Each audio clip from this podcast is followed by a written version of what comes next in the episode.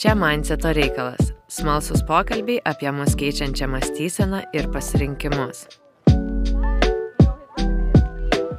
Labas, aš esu Kristina. O aš Živilė. Ir jūs klausote tinklalaidės Čia Mindseto reikalas. Mūsų podcast'o tikslas - smalsauti ir gilintis į mindset temą kaip didelę įtaką turinčią mūsų asmeniniam ir profesiniam gyvenimui. Čia galite tikėtis nuo širdžių, auginančių, šmaikščių ir dažnai susimastyti verčiančių pokalbių, tad kviečiame klausytis. O šiandien mes apie karjerą ir svajones, sritis, apie kurias galvoja ir kalba dažnas. Klausėme savęs, ar einame teisingų kelių Galbūt teoriškai jaučiamės išsipildę, bet viduje norisi kažko daugiau, kažko kitaip. O gal kaip tik išgyvename pilnatvę. Vieni svajojame drąsiai, kiti laikome savo svajones uždarę stalčiuje ir sakome, dar ne laikas. Šiandien kalbinsime ypatingą viešinę, kuri daug žino apie svajones ir kaip formuoti savo karjeros kelią, kad būtum išsipildęs. Kelsime klausimą, kaip atrodo šių dienų karjera, priklausomybė nuo darbo, savęs paieškos. Ar visą tai galime suderinti su svajonėmis? Bet prieš pradedant pasisveikinkime su mūsų viešne profesinio augimo trenerė Lina Danienė. Labas, Lina. Sveiki. Smagu čia būti Labas. šiandien. Smagu, kad skiriai mums smagu tai matyti. Taip. Ir Lina, ačiū tau labai, kad iš tikrųjų skyriai uh, savo laiko. Mums didelis malonumas turėti tave čia šią valandą, tikiu ir mūsų klausytojam. Ir prieš pradedant, na, mes turime visą parengę tokį pristatymą savo pašnekovo. Ar norėtum jį išgirsti? Taip, labai smalsu. Gerai. Moteris, kurios akis žiba svajonėmis.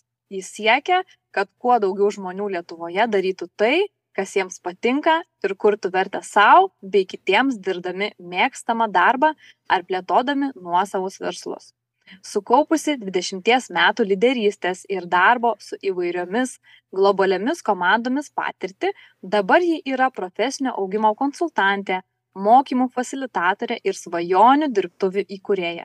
Negana to, mūsų viešne yra ir aistringa savanorystės ambasadorė, nuolat dirbanti su jaunimu.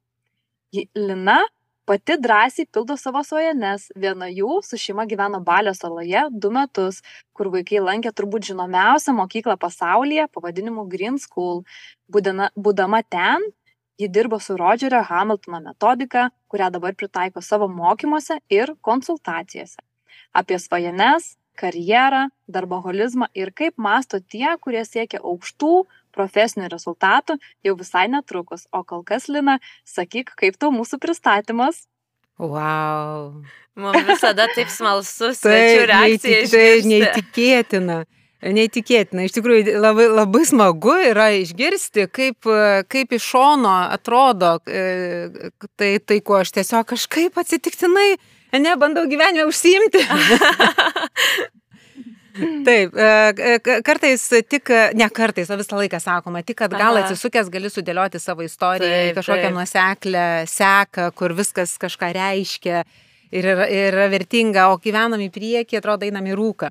Ir kartais atrodo, darom, darom ir to nematom, bet, kaip sakai, kai pasižiūrim atgal, tada atrodo, oho, kiek aš nuveikiau, visai nemažai.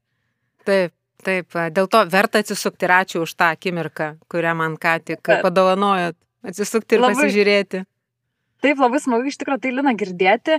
Ir dar turiu tau tokius trumpus blip klausimus. Mes tokį, žinai, kaip ledlaužį jį padarėme prieš mūsų rimtasias tas temas, kurias aptarsime.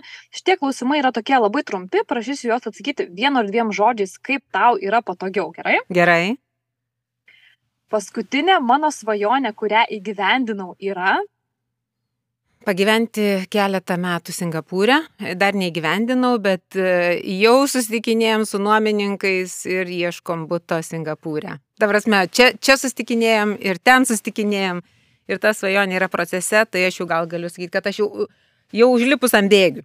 Wow, aš wow. dabar išsižiojusi sėdžiu. Kiekvieną rytą aš pradedu nuo Ai, labai nuobodaus užsiemimo. Mm, kuriu savo dieną nuobodaus. Matot jau, kuo paverčiu. Žinot, kai mes gerus malonius dalykus kartais paverčiam, paverčiam naštą ir to, oh, su atsidusimu. Žiūrėkit, nuo ko aš pradedu rytą, aš dabar papasakosiu. Aš tik atsibundu ir sakau savo, mano tikslas yra gyventi nuostabų gyvenimą. Ir aš būtinai šį tikslą įgyvendinsiu. Ir visiems žmonėms, kurie turi tokį tikslą, aš linkiu sėkmės. Tuomet aš mintise pergalvoju, e, už ką norėčiau paprašyti atleidimo kitų žmonių, kad tai, man, kad tai nekabėtų man galvoje visą laiką. Ir aš atsiprašau jų. Ir jeigu suprantu, kad kažko reikia ir gyvai atsiprašyti, tai okei, okay, čia reikės pasiskambinti. Tada aš atleidžiu visiems, kas man kažką blogo padarė, mane įžeidė, nuvylė, net nežinodami to. Ir sakau, aš jiem atleidžiu. Ir tuomet aš galvoju, už ką aš esu dėkinga. Ir vardinu, vardinu, vardinu ir stengiuosi laiką kažką naujo ištraukti, kad, kad nepradėtų suktis tiesiog automatiniai žodžiai. Ir tuomet aš kuriu savo dieną. Ir aš sakau, šiandien vakare aš jausiuosi nuostabiai. Ir aš būsiu tokia laiminga ir patenkinta tuo, kaip praėjo mano diena. Ir visi mano draugai ir pažįstami, jie taip džiaugsis manimi ir tai, tai ką, aš, ką, ką aš sukūriau kad tai bus tiesiog fantastiška. Ir aš dar nežinau, kas tai bus, bet Aha. vakare aš šitaip jausiuos. Ir kartais, įsivaizduojate, ne, aš tiek, tiek man nusibosta šitą rutiną, kad aš, o, oh, ir vėl reikia šitą daryti. Ir aš taip trrrr prasuku. O kartais e, aš išbūnu kokiu 20 minučių, iš, iš, iš, išsvarstau viską ir, ir tą akimirką perkuriu savo gyvenimą. Tai Ir, ir, ir vakare darau tą patį, vakare uždarinėjau. Uždarinėjau savo dieną panašiu būdu. Uždary dieną. Super. Ir, ir, ir jau ne vieną mėnesį, jau gal pusę metų kokį aš tai darau. Ir galiu jums pasakyti, kad tai veikia. Aha, o kaip tai veikia labai trumpai? Vat, tai, tai veikia labai paprastai. Aš einu per dieną leng, sakyt, lengvai pasišokinėdama dėl to, kad aš nesnešiau jokių nuoskaudų ir jokių apgailestavimų, oi, nereikėjo taip sakyti. Arba, nu bet tai kaip jisai taip savo leido? Ne, visų šitų nėra, nes aš jau visiems atleidau. Ne? Ir kai tik man iškyla kažkoks toks momentas, kad, nu kaip čia nesigavo, ne, kažką padariau ir, ir ne, negavau rezultatų ir kaip mane tai erzina. Ir tuo metu, kadangi aš kūriau dieną ir aš prisiminiau, už ką aš esu dėkinga, tie dalykai ateina ir mane taip gražiai užkloja. Ne, ir sako, Aha. bet žiūrėk, Išplės paveikslėlį. Nėra tai blogai. Dabar tu žiūri į tašką. Aplinkui tašką yra didelis baltas lapas. Ir taip, fuf. Ir vat, e, kaip mes galim tos dalykus pamiršti. Taip. Bet kai kiekvieną rytą savo primenam, jie gyvena su mumis. O, o, o realiai mes labai didelę dalį dienos gyvename savo galvoje. Mm -hmm. Ir jeigu ryte išsišluojam, tai švariau gyvenam. Visiškai. Ačiū, Lina. Labai labai fain. Žiūrėk, aš dar turiu paskutinį ir mes nersime temą, bet man įdomu labai iš tavęs išgirsti. Žiūrėk, mano paskutinis trumpas klausimas. Pastaruoju metu mane labiausiai stebina.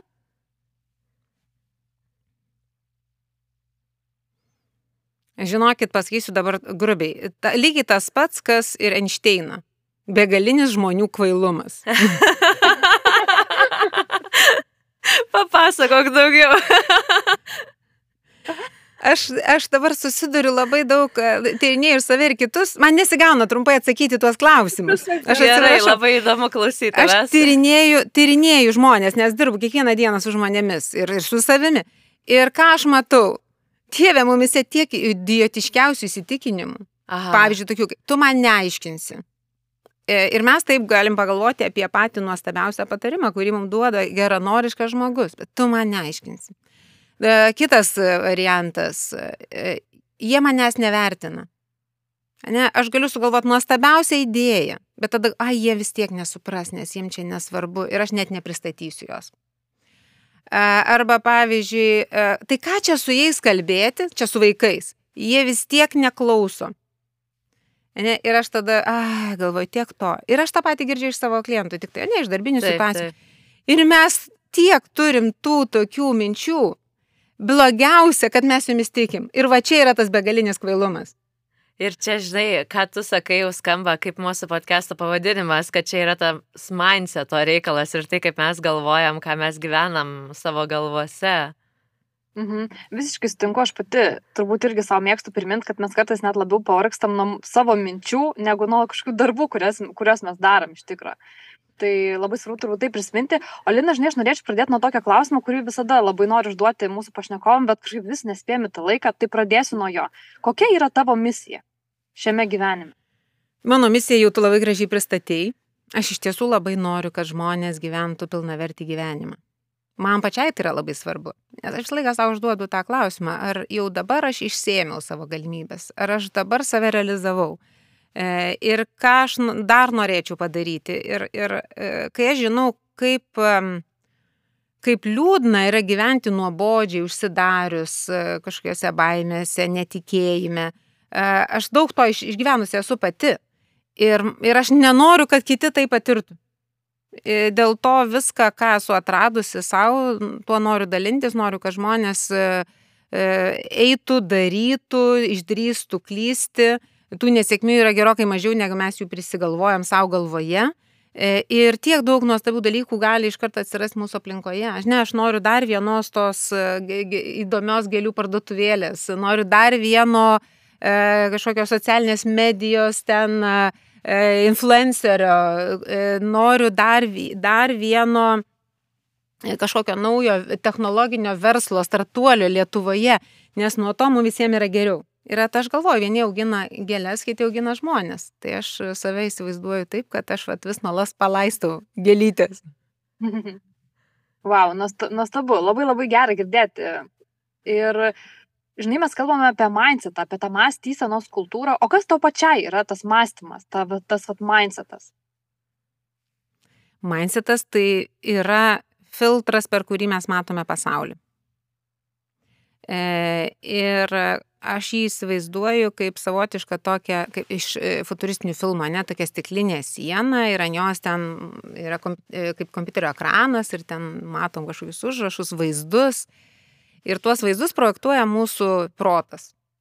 Ne? Ir, ir ten visko priprojektuoja. Mūsų senų nesėkmių, baimių, nusivylimų, taip pat ir vilčių. Ir, ir, įvair... ir, kiekvieną kartą, kai mes žvelgiame į pasaulį ir norime jame ką nors realizuoti, reikia suprasti, kad mes visų pirma tarp savęs ir pasaulio turim tą ekraną. Ir ten jau mums visokius filmus rodo. Ir realybę mes matome per tą filtrą. Ir jeigu mes kažko bijom, nu, tai mums ten ir rodo filmą. Ne, kaip mes kažkur kažkada prisidirbom, prisišnekėjom, nieko gero iš to nesigavo. Ir labai svarbu suprasti, kad tas filmas dabar jį tiesiog transliuoja automatiškai. Mum, mes nieko negalim su tuo padaryti. Taip atrodo, bet iš tiesų, jeigu mes pasimam atsakomybę už tą filmą, už tą, už tą ekraną, mes galime patys savo projektuoti jį tai, ką norime. Ir galime perkurti dalykus visiškai. Va čia ir yra mindsetas, ne? E, tai, tai jisai gali būti toksai bejėgystės e, filtras, e, kur aš į viską žiūriu kaip ir matau, kaip mažas žmogutis, nereikšmingas, nieko negalintis. Arba aš galiu įsivaizduoti, jog, na, aš atėjau čia kurti, dalintis, kažką, kažką gero padaryti ir tuomet aš ir projektuoju save kaip tokį žmogų, o kitus kuriu kaip norinčius priimti, kaip norinčius palaikyti. O žinai, visada yra tas klausimas, kaip. Ir aš pati atsimenu, kai mokiausi psichologijos, mums pirmais metais sakė, kad jūs dabar turit nusimti tą filtrą, per kurį matot pasaulį ir suprasti, kad yra daug kitų spalvų filtrų. Ir vad, kaip tau atrodo, kaip mes galim nusimti tą savo filtrą, apsivalyti stiklą? Pačiu paprasčiausiu būdu. Tiesiog tai, čia ne, net nereikia jokių ypatingų praktikų tam ar, ar įrankių. E, pirmas dalykas, kas yra reikalinga, tai yra pripažinti, kad filtras yra. Mhm. Ne? Kas jis, tai, va, tai tas, tas bėgantis takelis galvoje, ne? nesibaigiantis, kur mes visą laiką girdim kažką šnekant. Tai ir yra tas filtras. E, tada tai yra e, atitinkamai ir įvairios mūsų emocijos būsenos, kaip mes reaguojam į tą bėgantį takelį. Ir jeigu mums ten sako, nedaryk, kam tau reikia, ir vėl nusivilsi, ta, ta, ta, ta, mes, mes atitinkam iš kartai pradam ir jaustis, nereaguojame tai. Tai, da, tai pirmas dalykas tai yra pastebėti. Tiesiog mhm. pastebėti, ne, įsiklausyti, ką aš ten girdžiu, neprimti to kaip grino pinigo. Nes sako, žmonių didžiausia e, klaida tai yra klausyti to, kas, kas šnekama jų galvoje. Ir tada, ir tada įvertinti, okei, okay, ką aš čia dabar šneku, Tai jeigu aš dabar tą šneku, tai koks yra mano kontekstas? Aš gal esu pavargus, nusivylus ir panašiai. E, ir tuomet, kai aš tai pastebiu, aš galvoju, o tai ir ar aš galiu dabar iš šito konteksto gyventi va, tą gyvenimą, ar aš galiu savo misiją, pavyzdžiui, gyvendinti. Ar aš galiu e, jausis laiminga? Nu, kad niekaip. Ne, aš kaip kalėjime su storom sienom, kur man nuolat kažkokie prižiūrėtojai sako, nedaryk, tau nesigaudu, niekur neik, tu čia sėdėk, čia tau geriausia vieta, pati saugiausia. Ne, nesvarbu, kad čia šviesos nėra, čia e, nieko nėra. Bet, bet čia tau saugiausia. Tai aš taip galvoju, okei, okay, ne, tai visiškai, visiškai man netinka. Tai kaip aš noriu, kaip aš noriu dabar jaustis? Aš noriu jaustis laiminga, džiugi, kūrybinga, laisva. Tai gerai, tai jeigu aš dabar tokia būčiau, tai ką aš dabar šią akimirką daryčiau? Tai iš karto, va, paskambinčiau, ne, su kažkuo pakalbėčiau e, apie savo idėją, kurios seniai neištraukiu, arba sėčiau ten tekstą kažkokį pasirašyčiau, ar kokią kitą užduotį imčiau daryti. Ir, ir viskas, ir nesukčiau galvos. Ir viskas, ir aš einu ir tą darau. E, svarbiausia yra, labai dažnai žmonės nusivilia, sako, nu tai taip, aš visą tą darau ir man veikia, na galvat vienai užduočiai. Taip, taip ir yra.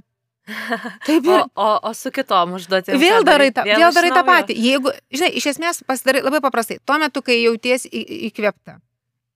E, ką tu darai, pasidarai sąrašą darbų, kurias dabar pamatėjai, kad galėtum padaryti.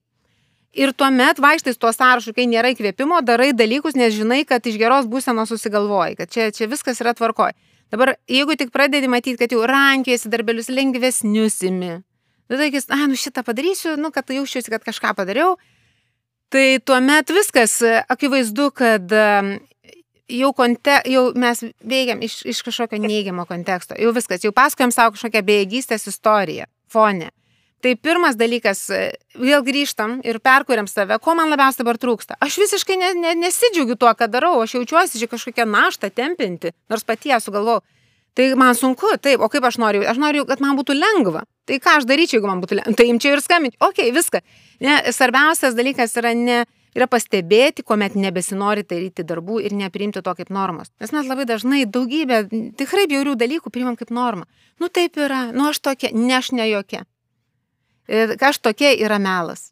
Ir žinai, kad tu kalbi, skamba toks kaip emocinės kompetencijos ūkdymas ir tas pagrindas, kad me, tik tada, kai atpažįstame savo emocijas, mes jas galime keisti, kažkaip kontroliuoti, valdyti ir atpažinti kitų emocijas. Tai tas uh, skamba taip įgalinančiai ir matau, kad dar Kristina turi klausimą. Na, aš žinai, Lina, mes kalbam apie mąstymą, tai man labai dabar įdomu ir svajonės, palėtėm ir tą svajonę temą, kurių pas tavo gyvenime yra labai daug ir tu ryštingai drąsiai jas pildai.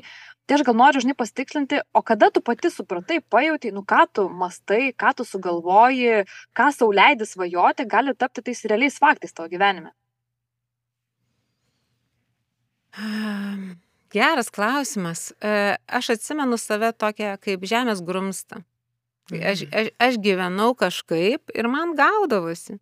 Ir man gaudavosi iki tiek, kad aš e, padariau karjerą, tapau vadovę bankė, padalinio vadovę, e, turėjau didelę komandą, manim žmonės pasitikėjo, kūriau rezultatus, buvau ištekėjusi, turėjau jau, jau du vaikus ir, ir gyvenimas buvo nuostabus.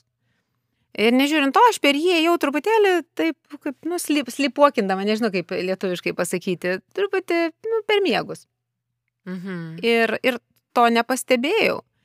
E, Bet, nu, na, tuo metu viskas, kas su manim vyko, labai taip išgy- išgyvendavo, ne, dramatiškai, žmonės mane nuvildavo kartais, aš pati save nuvildavau ir, ir, ir, ir mesdavau dalykus daryti, tada pradėdavau naujus daryti. E, Bet dalykai vyko ir, ir, ir vienu metu aš pradėjau pastebėti, kad jie nebevyksta. Ir va tada man pasidarė baisu, e, keista, kas čia, kas čia su manim daros, taigi aš tokia buvau visą laiką sėkminga. O kai tu sakai, kad dalykai nebevyksta, iš ko tu pastebėjai? Aš pastebėjau tai labiausiai iš profesinės veiklos. Aš ėmiau vis mažiau norėti e, dirbti, aš visą laiką buvau labai įkvėpta ir galėdavau dirbti valandų valandas. Ir kažkurio momentu aš taiga pajutau, kad aš nebenoriu. Kad man nebepatinka, kad aš neužsivedu, kad, e, kad prieš mane daugybė pasirinkimų, aš lyg noriu kažką keisti ir aš niekaip negaliu išsirinkti. Aš stoviu kryškelį ir tripčiu, tripčiu, ne? Ir, ir aš ka- kažkada, kai išėjau, atsimenu, motinystės atostogų, mano mintis buvo, na tai viskas dabar aš turėsiu, visas laikas bus mano, aš turėsiu dabar laiko apsispręsti, ką aš toliau noriu daryti, susidėti tvirtus pagrindus. E, Ir tuomet jau labai laisvai galėsiu rinktis, ar aš noriu grįžti į darbą, e, samdomą, e, iš kurio mane buvo išleidę atostogauti, ar aš čia dabar jau savo verslą darysiu. Ir praėjo vienos motinysės atostogos, po to praėjo kitos motinysės atostogos ir man niekaip nesisekė tą padaryti. Ir aš vis ruošiausi, aš pabaigiau vadovo magistratūrą per tą laiką, aš daug savanoriavau, įvairiausių dalykų dariau, bet mane visą laiką graužė va tas jausmas, kad aš niekaip negaliu atrasti savęs profesinę prasme. Ir, ir tuomet aš ėmiau lysti vis gilyn ir gilyn ir gilyn. Ir laimiai vienas mano pažįstamas pamatė, kad aš šiek tiek tokia išsitaškius ir sakė, žiūrėk, tu pasišnekėk su kočeriu. Ne, žiūrėk, man nereikia. Aš pati. A, aš pati. Ir, žinai, ta mano situacija yra tokia kompleksiška, jinai tokia nėra visai bloga, tokia ir gana gera. Ir, ir čia, žinai, čia aš nesu to beviltiškam tokiam atvejai, man čia nereikia tos pagalbos. E, ir visų pirma, niekas man negali, nes pas nešia labai sudėtingai viskas. Tai persipinė, čia netai paprasta iš, išraišioti. E, bet kitas dalykas, tai, tai nu nesu aš tokia beviltiška. E, tai ačiū Dievui, tas žmogus sakė, bet tu vis tiek pasišnekėk. Nes jinai tokia labai įdomi moteris, tau šiaip bus įdomu su ją susipažinti. Galvoju, nu gerai, tiek to susipažinti galima. Ir aš, e, jinai gyveno Londone, tokia Slovakija, ir, ir mes su ją pasišnekėjom. Ir aš supratau, kad jinai yra nuėjus labai įdomų kelią. Be galo įdomų profesinį kelią, taip pat pasiekus aukštų pareigų ir tuomet jinai išėjo ir tapo e, būtent sėkmingų moterų kaučerė, kaip jinai save e, pristatė. Gau, tai dar sėkmingo moterim čia reikia kaučerės? Būna ir taip. Nu, nu čia įdomu. E, ir, ir kadangi man labai patiko tai, kuo jinai dalinosi, aš nusprendžiau dirbti su ja. Ir tai buvo 2009 metai, jinai man labai greitai iš tiesų padėjo atstatyti suvokimą apie ką aš. Ir, ir, ir vieną dalyką, pažiūrėjau, kurį po šią dieną atsimenu, kurį aš supratau su jie dirbdama, tai buvo, kad um, Aš tuo metu turėjau tris pasirinkimus. E, galėjau steigti savo verslą, turėjau jau tada minčių pradėti ves mokymus, e, galėjau e, imti vadovauti nevyriausybinį organizaciją, kuri man buvo labai svarbi, ir taip pat galėjau grįžti į savo darbą bankę. Ir visi tie variantai tokie atrodė, nu, nu tai ten labai daug rizikos, ne, savo darant. Nevyriausybinė organizacija viskas labai faina, labai prie dušios, nu, bet nėra pinigų. Bet aš, aš noriu uždirbti grįžus į banką, nu, tai tada tas nežmoniškas krūvis, 12-14 valandų per dieną, bet aš jau turiu vaikus ir lyg tai pajamos geros, ir, ir, bet nežinau. Ir aš visą laiką va, taip pat nesukau, sukau tą ratą ir niekaip negalėjau rasti to, tos mažiausios blogybės. Po pokalbio su jie aš pradėjau žiūrėti visiškai kitaip. Aš pradėjau žiūrėti, ką aš galiu sukurti, duoti. Čia, čia ir čia. Ir kur man šiandien um, iš tikrųjų nori, norisi, norisi kažką atiduoti kitiem. Ir aš pamačiau, kad visur aš galiu, visur, ir ten, ir ten, ir ten. Ir staiga iš trijų tokių pusėtinų variantų aš turėjau tris fantastiškus variantus. Tai kaip dabar išsirinkti? Ir žinokit, e, likimas sudėliojo, nes aš pastojau e, tre, trečią kartą. E, tai buvo toks, ne, toks pusiau planuotas, neplanuotas, na, ne dalykas. Ir aš taiga supratau, kad viskas fain, ne, nepriklausomai nuo to, kaip dabar susidėlios aplinkybės, aš žinau, kad tas variantas, kurį man ar reiks daryti, ar aš pasirinksiu daryti, aš ten realizuosiu save. Aš ten sukursiu fantastiškų dalykų. Ir man tikrai bus labai gerai. Tai vad, nuo to laiko aš ko gero taip ir einu. Viską, ką aš darau, man yra labai gerai. Ir kartais, ką tu kalbi, kad reikia mums to kito žmogaus, kuris parodytų tą kitą perspektyvą, nes mes gal taip verdam savo sultise, kad nebesugebam iš šono pasižiūrėti situaciją. E, pokalbis su ta, su ta kaučerė, jis mane nukreipė tą linkmę, kur aš dabar esu, kad aš pati noriu būti šito žmogum kitiem. Šitiek duot šviesos per kelių valandų pokalbį, kad po to, va taip kaip man, man pavyko žinai, radikaliai pakeisti savo požiūrį į darbą ir, ir, ir daugybė metų, kaip sakyti, užsikrauti energijos. E, gal ne tiek užsikrauti iš to pokalbio, bet ne, kad jinai mane užstatė ant to kelio, kur aš vėl galėjau važiuoti prieki. Aš galvoju, aš noriu būti šitų žmogum. Ir dabar esi? Ir dabar esu, tai va viena ir išsipildžiusi svajonė. Mums reikia, mums reikia žmonių, kurie mus įkvepia. E, ir, ir be abejo, žmonės gyvena šioje planetoje milijonus metų. E, mes negalim išrasti dviračio mes galime pasižiūrėti e, į kitus ir, ir, ir, ir daryti tai, ką jie daro. Mhm. Lina, tu žinai, dabar pakalbėjai irgi, kad įkvėpi kitus ir tai yra tavo gyvenimo dalis labai didelė, žinai. E, ir tai yra susijęs su svajonėmis. Tu pati esi svajonė, dirbtuvė organizatorė. Tai aš noriu paklausti, o kokią, kokią vietą svajonės užima tavo gyvenime? Labai didelė. E, bandau atsiminti, ko gero viską aš išsvajojau. E, ir mano netgi pareigybės, ne tai, kaip aš vadinuosi, tai irgi yra dalykai, kurių nebuvo aplink mane, kuriuos aš įsivaizdavau ir išsvajojau. Na, sakykime, vienu metu e, jau, jau į savo, e, kaip sakyti, profesinio e, to tokio kelio susijusio su korporatyvu, ne pabaiga. Mm, aš dirbau tuo metu Svetbankė, aš užėmiau pareigas, kurios vadinosi tvarios veiklos vadovė. Ir tuo metu buvau vienintelė tokia Lietuvoje. Aha. E, dabar tų tvarios veiklos specialistų įvairių e, ir, ir, ir tvarumo, ir socialinės atsakomybės, įvairių tų pavadinimų yra, ne ir vis daugiau organizacijose mes galim pamatyti žmonės, kurių vizitinėje kortelėje yra įrašytas, įrašytas šitos pareigos. E, aš link šių pareigų, kurias užėmiau 11 metais, 2011, aš jau nuo 2005. Um, nes tuo metu perėjau į rinkodaros ir komunikacijos padalinį, e, gavau kūruoti e, korporatyvinį visą prekės ženklą ir šalia jo daug kitų dalykų, rėmimo sritį, organizacinę kultūrą kartu su, su, su, su, su, su kitais, ne padaliniais. Ir Ir man patarė labai įdomu, kodėl mes remiam būtent šitas organizacijas ir kaip mūsų ta remimo strategija galėtų būti dar įtakingesnė, tokia kurianti didesnį pokytį. Ir tai mane nunešė žemyn į tą triušio narvelį, ne, urvelį, atsiprašau, kur aš jau vis gilino, kodėl, kodėl, kodėl, kodėl, ir tai mane atvedė prie visos tvarumo temos ir tuomet aš sakiau, tai, tai kiekviena organizacija turėtų turėti žmogų, kuris vien to užsijima. Ir, ir tuo metu aš pradėjau apie tai kalbėti Ir galiausiai, kai ta pozicija buvo įkurta 11 e, metais, tai e, pamenu, tuomet man paskambino, e, bankė pasikeitė vadovas tos ryties per tą laiką, kol aš buvau matysės atostogose. Ir, ir jis man skambina ir sako, Lina, kokie tavo planai? Aš mano planai du metus auginti dar vaiką. Jis sakė, žiūrėk, reikia mums pasišnekėti.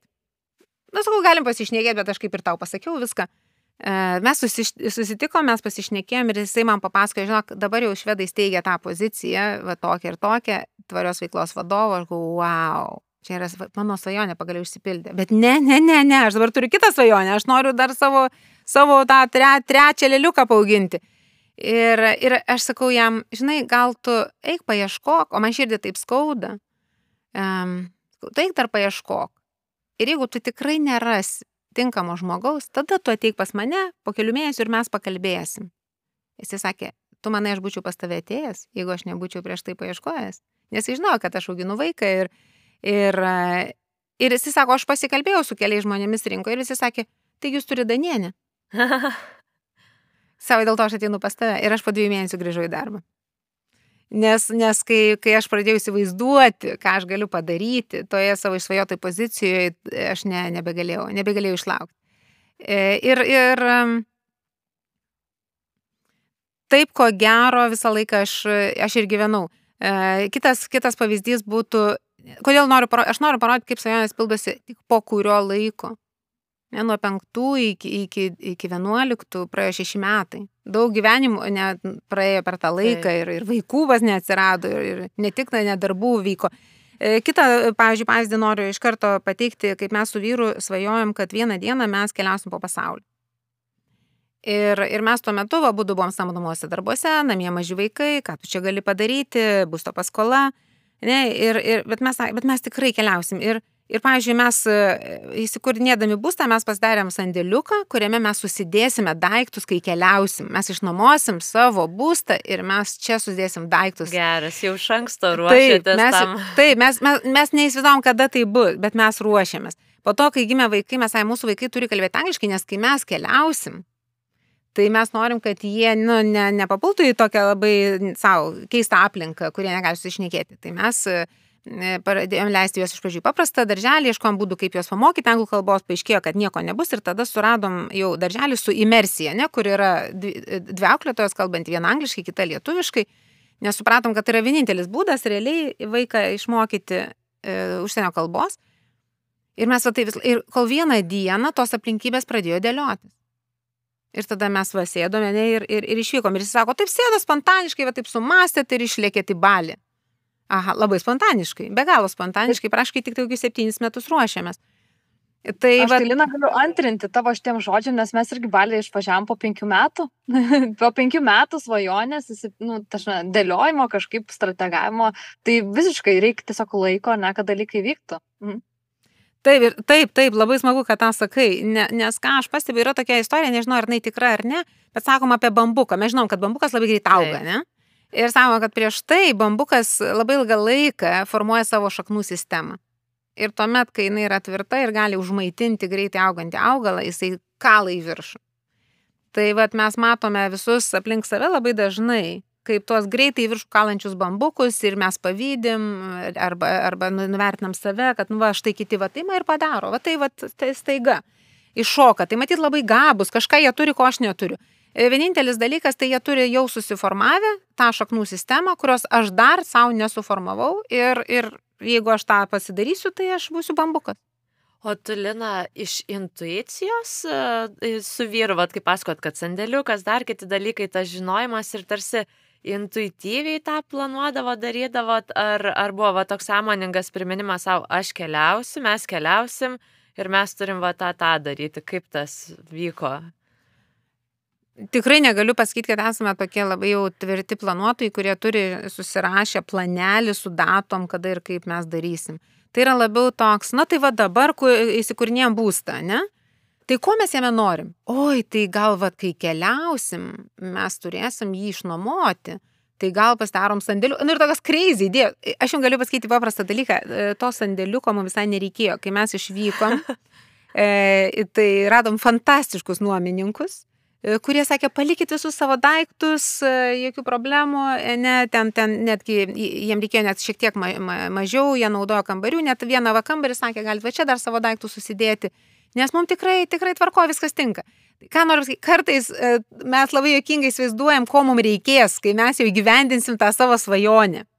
Bet pats faktas, kad mes nuolat prie jos vis grįžtam, kur buvę, kur nebuvę, ir vis pamastom, E, tą, tą palaiko e, gyvybę svajonės mintise ir vieną dieną mes o tai gal va dabar, va dabar gal tas momentas, kai jisai pratęs tiesiog vis pagalvoti apie tai. Super. Ir mes, kad jau tiek kalbam apie e, svajonės ir kaip ir pradėjai apie tai pasakot, bet vis tiek gal kažką dar užakcentuosi, kaip tu pati svajoji, gal turi kažkokių ritualų, kaip svajoti. Nes, pavyzdžiui, aš atsimenu su drauge, čia prieš gal dešimt metų organizavo mokymus ir jinai sako, darom svajonių knygą, pasimsim iškarpas ir visa kita. Aš šiaip kūrybiškas žmogus, bet man toks buvo, ką, kokius mes čia vaikų žaidimus žaisim, čia iškarpos klyjuosim, svajosim, kažką darysim, tai gal tu mane šito vietoje nustebinsi. Yra ko gero daug būdų ir svarbiausias dalykas yra noras, e, intencija, e, svajoti, kurti savo gyvenimą pagal savo taisyklės. O po to jau bet koks įrankis tinka. Tai, apie ką kalbėt, nežinau, kaip lietuviškai vadinasi vision boardas čia yra. Taip, ne? taip, taip. E, yra be galo stipri priemonė. Tai aš po to ją patikėjau, bet tuo metu man buvo toks, nu, pirminė atmetimo reakcija. E, mes žmonės esame viduje labai tokie kritiški, ciniški netgi. Ir tas mūsų cinizmas, mes net nepastebim, kaip iš tiesų ir numuša mus nuo, nuo kelio e, svajonių link. Tai sakyčiau, pirmas dalykas. Atkreipdėmėsi, kad mumise visą laiką e, gyvena keli personažai. Ir jie tarpusavį ten šnekasi, barasi, ginčiasi, ne, viens kitą e, menkina ir panašiai. Tai, tai tiesiog vyksta. E, ir ne vienas iš jų nesame mes, nes mes esame tas stebėtojas, kuris mato, kaip viskas vyksta. Ne? Tai svarbu yra pastebėti, visuomet bus e, kaltintojas ir bus advokatas. Ir advokatas sakys, varom, darom, čia žiauriai gerai, žiūrėk, va todėl, va todėl. O, o, o kas ten prokuroras, nes viskas labai blogai. Tai kai tą suvoki, tai, tai visuomet ir gali tai kurio aš klausysiu. Čia yra ta sena pa, patarlė, ne, kur e, vaikas senelio klausia. E, Senelis, aš užkrito tą istoriją, senelis vaikui pasakoja, žiūrėk, e, e, mumise visą laiką gyvena du vilkai.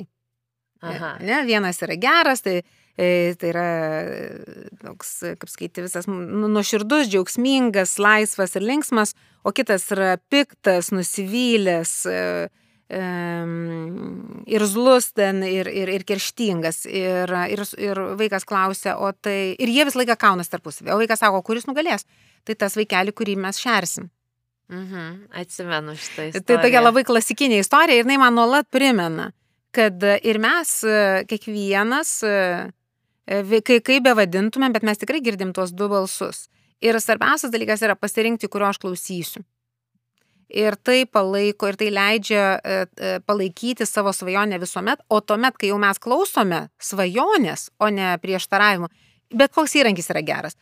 Galima pasidaryti va tą iš iškarpų tiesiog kartais, ką tai reiškia, mes leidžiam pasąmonį savo veikti. Tokiam išlys svajonėm, kurias mes esame užgneužę per tas nuotrau, nuotraukų iškarpų dėliojimą, ne ko aš, kaip aš įsivaizduoju, ko aš norėčiau, aš iš mano pasąmonė pagauna tas nuotraukas, kurios parodys mano tą, tą svajonę man, akivaizdžiai, ištrauks iš kažkur giliai. Kitas geras būdas yra tiesiog prisiminti, apie ką aš svajojau nuo pat vaikystės, per paauglystę, ne, ir, ir, ir ko aš nerealizavau ir pasidaryti gerą tų svajonių inventorizaciją, nes dažnai yra va, tos ilgosios svajonės, apie ką mes šnekam. Ir jas kartais mes pamirštam ir tada mums liūdna, atrodo, aš neturiu svajonių, bet jeigu mes pasikapstom tose svajonių kapinaitėse, mes randam ten tokių pusgyvių dar e, svajonių, kurias mes galime įpūsti e, energijos ir jos vėl gyvent savo gyvenimą. E, kitas dalykas tai yra, pavyzdžiui, labai geras, kartais žmonės tikrai sako, aš niekaip negaliu pažvelgti į ateitį. Normalu, nes mes labai save pribauginam. Ir tuomet mes nenorim svajoti, nes o kas jeigu prisisvajosiu ir nusivilsiu po to ir nebus taip, kaip noriu. Tai mes tada saugom save nuo to tariamo skausmo, nus, nusivylimų. Arba yra tokių, pavyzdžiui, žmonės sako, aš dabar tiek esu paskendęs e, savo dabartinėse, dabartinėse problemuose, iššūkiuose, su kuriais susiduriu, dabar tiesiog nelaikas ir net nėra energijos svajoti. Tai, tai yra viskas priežastis, kurias žmonės prisigalvoja kad save pateisintų. Labai dažnai yra tas nelaikas, nes atrodo, oi dabar reikia pasiimti paskolą, dabar reikia, nežinau, ten auginti vaiką ar dar kažką daryti, aš dabar čia tik šitam darbė įsivažiuoju, mano finansinis visas gerbovis ir kaip iš to dar nelaikas išeiti. E, tai, pažiūrėjau, vienas iš būdų, ką galima pasidaryti, tai e, pabandyti mintimis nusikelti į ateitį 12 mėnesių atsisukti ir sakyti, o dabar yra 24 metų, pavyzdžiui, ten gegužės kažkelinta diena, ir aš atsisuku atgal ir aš e, su dėkingumu galvoju, tai ką aš nuveikiau per šitus metus įvairiose savo gyvenimo srityse. Ir žvelgiu iš to būtent pozicijos, kad aš tai padariau, bet įsivaizduoju, bandau įsivaizduoti, e, už ką būčiau dėkinga po metų savo. Ir tada tas vaizdas labai gražiai išsipiešia. Ir mes, aš esu, pažiūrėjau, sveika, e, e, tokia, na, tvirta fiziškai, su, su vaikais santykiai tokie, su sutoktiniu tokie, darbe tokie, aš veikiu tą ir tą. E, ir, ir, ir mes išsipiešiam ir tada galvom, tai ką aš, kažin, per metus čia nuveikiau, čia ateičiau. Ir kas yra įdomu, kai nėra tos įtampos, kad um, pavyks, nepavyks, nes mes jau einam iš to, kad jau pavyko, viskas jau pavyko, tai kągi aš čia padariau. Ka kaip čia man pavyko? E, atsipalaiduoja smegenis, netiek e, gazdinasi ir mums pavyksta pamatyti. Tai vad e, tokie ir panašus įrankiai e, padeda peržengti, perlipti va tą tokį, e, tą frazę tokią, aš neturiu svajonių. Aha. Aš tai galėčiau, žinai, pasidalinti savo pavyzdžių. Man iš tikrųjų viena mano mentė, aš mentoriauju, mano mergina man kažkaip papasako irgi apie svajonės. Prieš naujus metus pradėjome kalbėti ir jis sako, žinok, aš susidariau šimto svajonių sąrašą. Ir aš galvoju, ir man reikia. Ir man šitas, žinok, buvo visiškai toks game changeris, šitas dalykas, aš atsėdau daryti svajonių sąrašą. Iš pirmo karto man pavyko gal kokias 53 užsirašyti, bet kas buvo fainiausia, kad tu pirmą pradedi svajoti tokiam labai didelėm, tokiam labai labai, po to tai tampa kažkokie norai, užgaidos ir panašiai, bet tai buvo toks irgi labai kūrybiškumui, labai savo išlaisvinimui, kad tu gali šiaip svajoti, ką tik tai nori, ar ne, iš esmės. Ir tas labai, nu, man asmeniškai irgi labai tinkamas buvo šis metodas daugiau svajot ir siekti savo tikslų, vienų labai tikslingai, kitų turbūt intuityviai. O aš nu dar norėčiau paklausti karjerą ir, ir svajonės. Kaip tai yra suderinama? Nežinau, kad tu pati esi priemus tokių, žinai, netradicinių galbūt ar ne, ale lyg ir karjeros sprendimų savo gyvenime, kai vat, iš po didelio, didelios karjeros uh, organizaciją perėjai savo veiklą, išvykusi gyventi kažkur dabar vėl planuoja ar ne išvyką, dar vieną savo svajonę įpildyti. Kaip yra va, karjera ir svajonės? Kaip derinti šitus dalykus? ko gero dalykas, kurį labai man buvo svarbu suprasti, tai kad e, karjeros svajonės visuomet susijusios su mano unikalių stiprybių realizavimu. E, visuomet žmogus nori realizuoti tai, kas yra jo viduje. Mes kiekvienas turim kažkokį užtaisą. E, ir gali atrodyti, kad tas toks kelias mano buvo įvairus, bet jis buvo labai nuoseklus.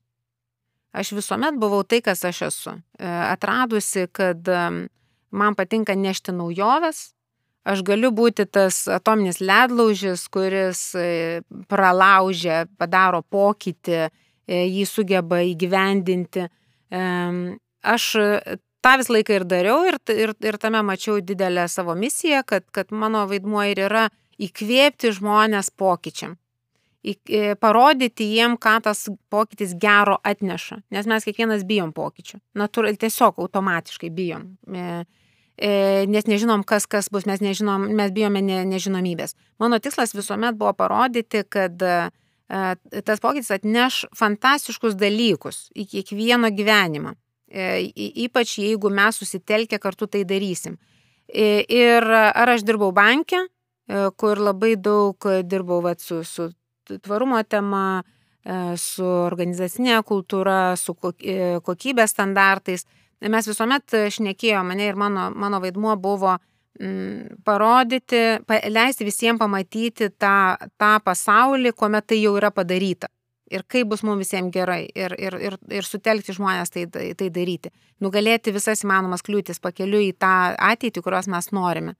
E, ir vėliau, kai, e, kai aš keičiau darbus, išėjau, jau kūriau savo asmeninę tą tokią freelancerio karjerą, e, aš dariau lygiai tą patį. Mano tikslas buvo paskatinti žmonės drąsiai gyventi savo gyvenimą, padėti jiem pamatyti, kas jiem yra įmanoma.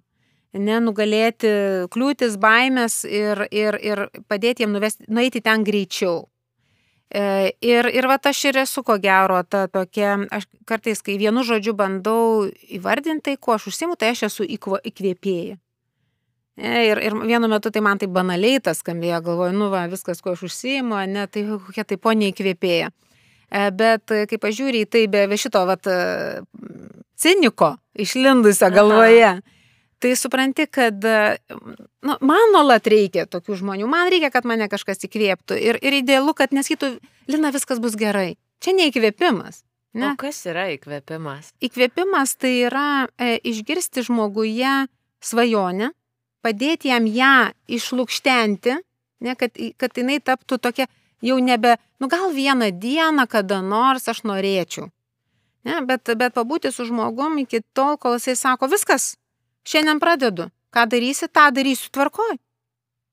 Net pavesti jos iš efemeriškos e, kažkokios būtybės į tai, kas yra viskas jau, jau dabar mano gyvenimo dalis. O kai tik tai mes integruojame svajonę į gyvenimą, uh, viskas, toliau traukinys nuvažiuoja, ne mes tiesiog, da, mes žmonės, kai jau pradedame, mes žinom, ką daryti.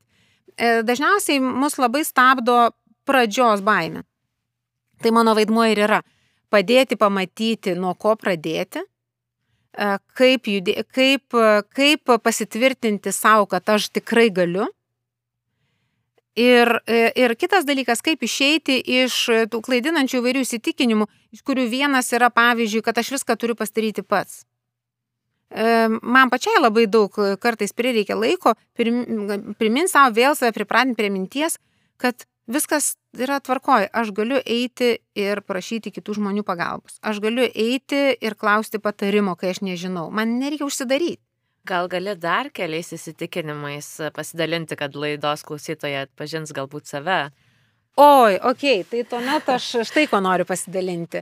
E, noriu viešai pasakyti, kad esu tinginė, esu kvaila, e, nepatikima, e, e, savanaudė. Mes dabar su Kristina labai e, šypsomės, nes sunku to patikėti. E, e, e, dar esu nesavarankiška, esu, esu silpna. Ir, ir, ir, ir kokie. Ir esu šalta labai. Esu, esu kaip ne, neempatiška. Lena, aš tavim nuoširdžiai netikiu, nes aš dabar sėdžiu, tavo akis spindi, tu žiūri man į akis, mes šiltai atrodo bendraujam. Kaip čia taip? E, bet, bet taip yra. Taip yra. Ir kas, kas yra baisiausia, e, kad, kad aš tuo tikiu. Aš tuo tikiu A. ir tuomet aš nenoriu, kad kiti žmonės taip apie mane galvotų. Ne, aš nenoriu, kad jie sužinotų visą tai apie mane. Aš bandau visą tai paslėpti. Ir tuomet aš apsimetu, sėkminga, protinga, stipria, labai savarankiška, aš viską galiu pati. Ir va tas apsimetinėjimas man labai brangiai kainuoja. Ir kai tik aš suprantu, ką aš darau, aš sustabdau save ir sakau, netiesa, visa tai netiesa, net tai yra tai tie, tie visi epitetai, tos etiketės, kurias aš kabinuosi savo, tai yra iš vaikystės atsinešti dalykai, kažkada išgirsti iš, iš tėvų, gal ne tą tokią pykčio akimirką, kai jau jie nebežinojo, ką su mumis daryti. E, iš, iš draugų, iš mokytojų, ne, mums yra žmonės priešnekėję tų dalykų ir kas yra baisiausia, mes juos esame savo internalizavę ir mes tikime, kad tai yra tiesa. Ir tuomet mes nenorime tokiais būti, bet mes, gal, bet, nu, net tokio atrodo pasirinkimo neturiu aš. Aš tiesiog esu, mes susirinkę esam patvirtinimus, kad aš tokia ir esu, nu tai yra, ar aš netinginė, tai aišku, kad aš tinginė, ar aš nekvaila, nu kiek patvirtinimų, kad esu kvaila. Ir tuomet aš tuo tikiu ir tuomet aš tai slepiu. E, ir visai, kai bandau, ne, ir, ir, ir, kaip sakyti, ir man atrodo, tada, kai aš slėpiau, man atrodo, visi mane tikrina. Visi žmonės iš tikrųjų bando e, sužinoti tiesą apie mane, o aš turiu pasislėpti. Ir aš... Skamba labai toks, žinai, sunkus gyvenimas, bet iš tikrųjų, aš manau, mes kiekvieną savį tą dalį turim. Taip, mes kiekvienas tą turim. Ir man prireikė laiko tą pamatyti. Ir tuomet aš supratau, tai yra tiesiog mūsų senos istorijos, kurias mes nešamės. Ir jeigu mes leisim jom valdyti mūsų gyvenimą, ir jeigu mes gyvensim gyvenimą pasislėpę nuo kitų žmonių, kad tik jie nesužinotų apie mus kažko blogo ir kad tik tai jie gerai apie mus galvotų, tai toks gyvenimas mūsų laimingais nepadarys. Ar čia yra ir apie pažeidžiamumą, kad išdrįsti būti pažeidžiamu ir parodyti savo dalį? Tai, tai yra, tai yra atvirumas, autentiškumas, pažeidžiamumas ir e, pirmas dalykas, e, ką turime padaryti, tai ko gero pripažinti savo, kad taip galvojame apie save, kad tai lemia mūsų veiksmus. Bet vietoj to, kad eitumėm ir darytumėm, ir kviestumėm kitus į pagalbą, ir prašytumėm patarimų, mes bijom, kad jie iš... Tai matai, aš paprašysiu patarimo, tai galvos, kad aš, nu, iš, vat ir sužinos, kad aš esu gikvaila iš tikrųjų. Ir šitoje vietoje aš turiu e, istoriją, nes e, Kristina pasidarė tą šimto savo svajonių sąrašą. Mes kartu mokėmės coachingą. Vieną dieną jinai man parašo. Živilė, turiu projekto idėją, e, gal nori trumpam susiskambinti. Gerai, susiskambinam. E, susiskambinam, jinai sako, žiūrėk, aš turiu vat, tokią idėją, davai darom podcastą. Matau, tau irgi tos pačios temos įdomios apie mindsetą ir panašiai. Ir man toks buvo, o geras, kaip fainai, bet įsijungia tada vidinis kritikas, Kristina šito net nežino, tai dabar e, vieša išpažintis.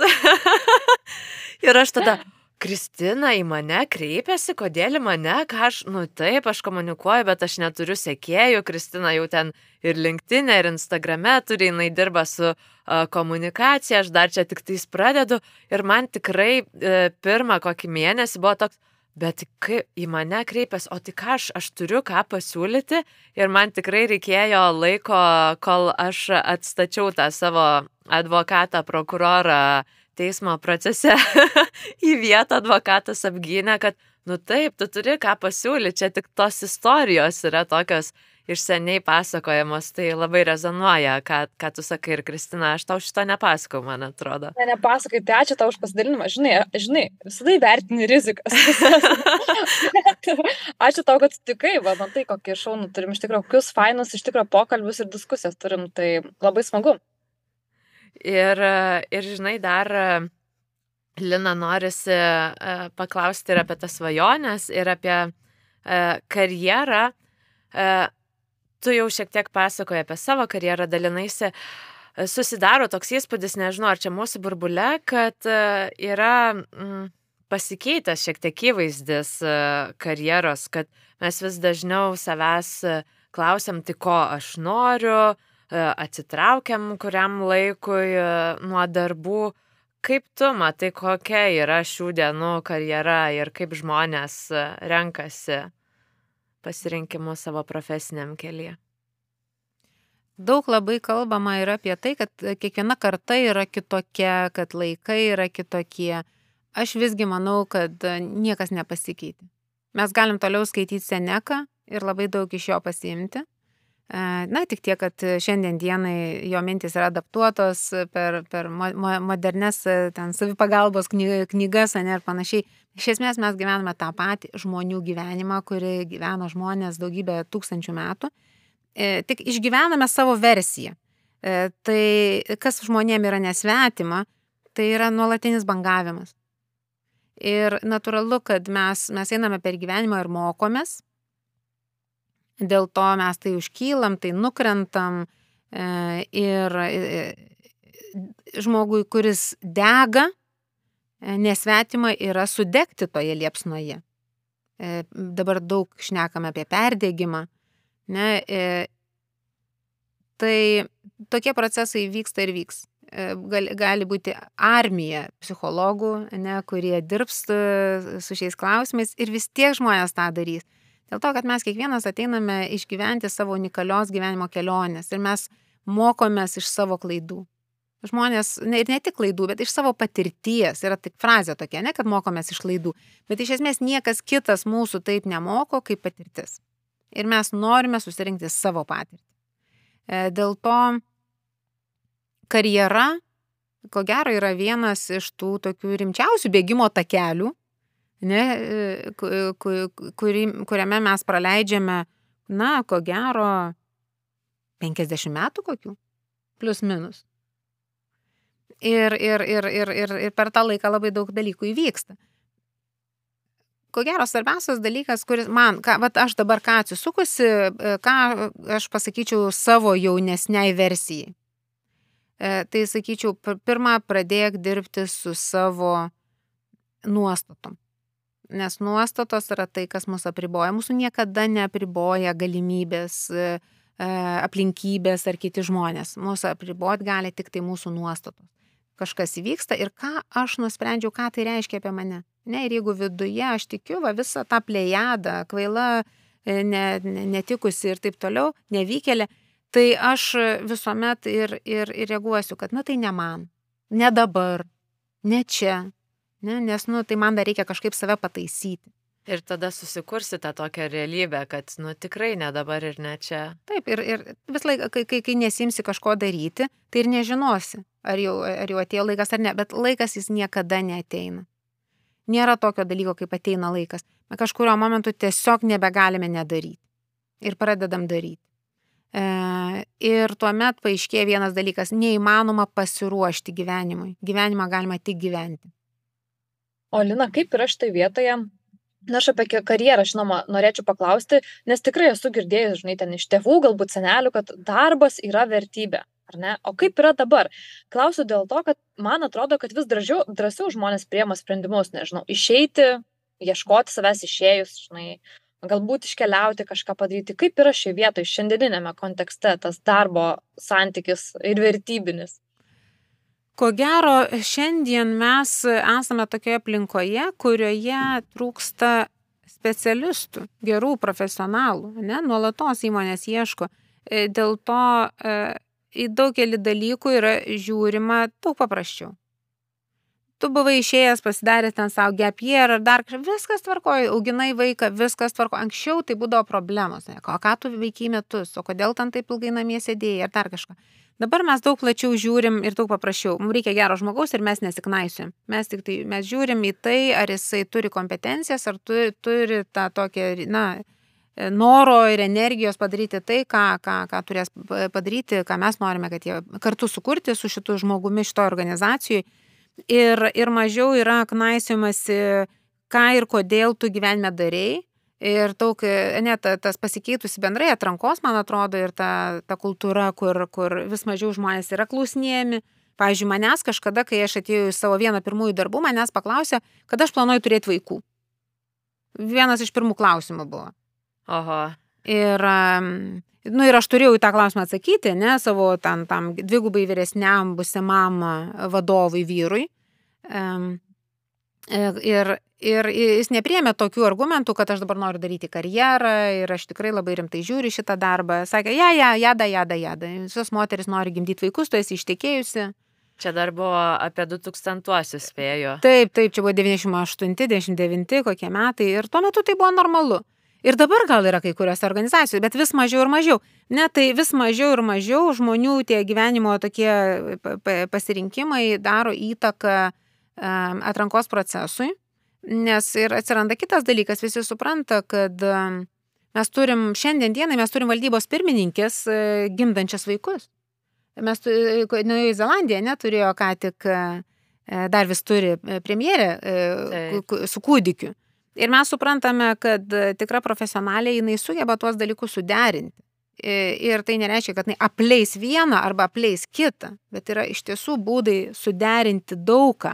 Ir, ir, ir, ir galima dirbti iš, iš balio, ir galima dirbti turint e, daugia vaikę šeimą, ir, ir, ir, ir viskas yra, viskam yra atrandamas būdas, kai žmogus iš tiesų e, yra nu, profesionalas norintis, norintis dirbti. Tai Aš manau, dabar situacija gali mums pakeisti tai, vat, ko mes dar neapčiuopiam, apie tai vis daugiau yra šnekama, apie dirbtinį intelektą ir apie tai, kaip jisai pakeis mūsų, mūsų gyvenimus. E, realiai, jeigu mes pamatysime, kad dirbtinis intelektas iš tiesų uh, uždaro labai daug darbo vietų žmonėms, konkurencija į darbo vietą gali padidėti ne, gali atsirasti kažkokių specialybių trūkumas. Ir be abejo, ten bus, kaip sakyti, grieps kiekvieną. Bet kai kurios specialybės gali nuvertėti. Ne, dėl to labai svarbu yra jausti. E, yra kultūra, kuri auga ir kur mes jau nesam žymiai labiau civilizuoti per darbo pokalbis, e, e, priimdami žmogaus patirtis. Bet taip pat yra ir tos makro aplinkybės, kurias mes turime įsivertinti, jausdami, ką mes renkamės ir, ir kodėl, pavyzdžiui, nes, nes, nes kartais galime išgirsti, nu čia niekam šiais laikais ten nebereikia, nežinau, ten kažkokio ten specialybė, kažkokio specialisto, čia niekas nevertina. Taip nevertina. Taip nereikia, taip išsisprendžia kitų būdų. E, tu gali pykti dėl to, arba tu gali ieškoti kažkokios specialybės, kurios labai reikia šiandien ir padėti organizacijoms spręstis tuos iššūkius, su, kuriuom, su kuriais jie dabar susiduria. Tai Mes nesam vienos, speci... vienos specialybės žmonės. Kai, kai kalba žmonės, kad, na, reikia atrasti save. Atrasti save nereiškia atrasti vieną labai konkrečią specialybę, kurią dirbsiu visą gyvenimą. Ten, pavyzdžiui, kokio IT programuotojų ten ar, ar, ar nežinau, marketingo specialistai. Ar, ar, ar, ar programuotojų ar specialistų čia, ne, ne. Um, tai reiškia, kad aš atrasiu, kokiu būdu aš kuriu vertę. Ir aš visuomet, bet kokiose aplinkybėse, e, rasiu būdą tai vertai sukurti. Ne? Tai ar aš, e, ar aš esu tas žmogus, e, kuris sukuria, pažiūrėjau, naujus produktus, naujas strategijas, kuris gali organizacijai na, prisidėti prie plėtros. Ar aš esu tas, kuris net negalėčiau pasigirti kažkokiam ypatingom idėjom, bet aš esu labai geras įgyvendintojas. Ne, aš galiu sudėlioti procesus ir, ir įgyvendinti bet kokį kompleksinį sprendimą. Ir galiu užtikrinti kokybę, galiu užtikrinti, kad viskas bus padaryta geriausiu būdu su tais resursais, kuriuos turiu. Ar aš esu e, komunikatorius ir išnešu žinę, ne, aš didinu organizacijų žinomumą ir patrauklumą ir jų produktų. E, ar, ar aš veikiu darydamas poveikį kitiems, ar aš esu tas efektyvintojas, kuris ateina į organizaciją, kuri galbūt ir gerai veikia, ir turi gerus produktus, ir gerus procesus, bet e, jinai galėtų gerokai pagerinti savo efektyvumą. O šitoj vietoj, kas manau dažnai nutinka, ir tu pati esi apie tą kalbėjusi vienoje laidoje, kad mes priemam kaip savaime suprantamą dalyką, e, tai per ką aš kuriu vertę ar net kaip minusą. Aš atsimenu, tu esi pateikusi pavyzdį, kad aš tarkim esu va, tas komunikatorius, bet tai ką aš čia kuriu, aš kaip tik žmonėm gal trukdau dirbti kaip šitoj vietoj ne, vėl neuždaužyti savęs ir atrasti, kur aš kuriu tą vertę? E,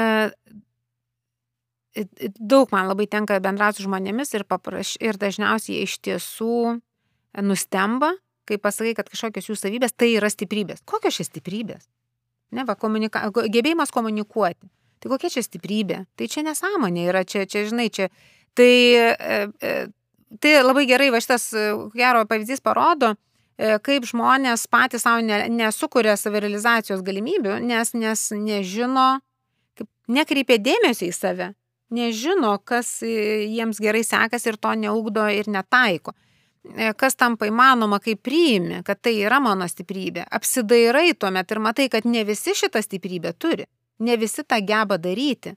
Kiti žmonės stiprus kitose sritise, aš galiu ateiti į pagalbą ir daryti tai, ko jie negali. Ir tuomet ieškai tokios komandos, kuriai reikia stipraus komunikatoriaus, kuri turi, pavyzdžiui, gerą produktą. Nu, pavyzdžiui, mes galime sakyti, paimti restorano kokią nors pavyzdį, ne? Galbūt tai yra labai gera idėja, labai graž, gra, graž, graži koncepcija sukurta ir interjeras, ir gerai surinkta komanda, ir visi procesai gerai sukasi, ne, kiekvienas patiekalas kaip iš katalogo, labai gerai yra viskas atliekama. Ir, ir Bet niekas nežino apie tą restoraną. Jis nesulaukia pakankamai lankytojų, ar jisai turi ateitį, neturi. Kažkas turi sukurti visą tą vaibą, žinomumą. Ir be gero komunikatoriaus tai neišvažiuos. Ir tuomet supranti, tai šita savybė, šita stiprybė nėra nei geresnė, nei blogesnė už kitas. Jis yra tokia pat reikalinga, komplekte.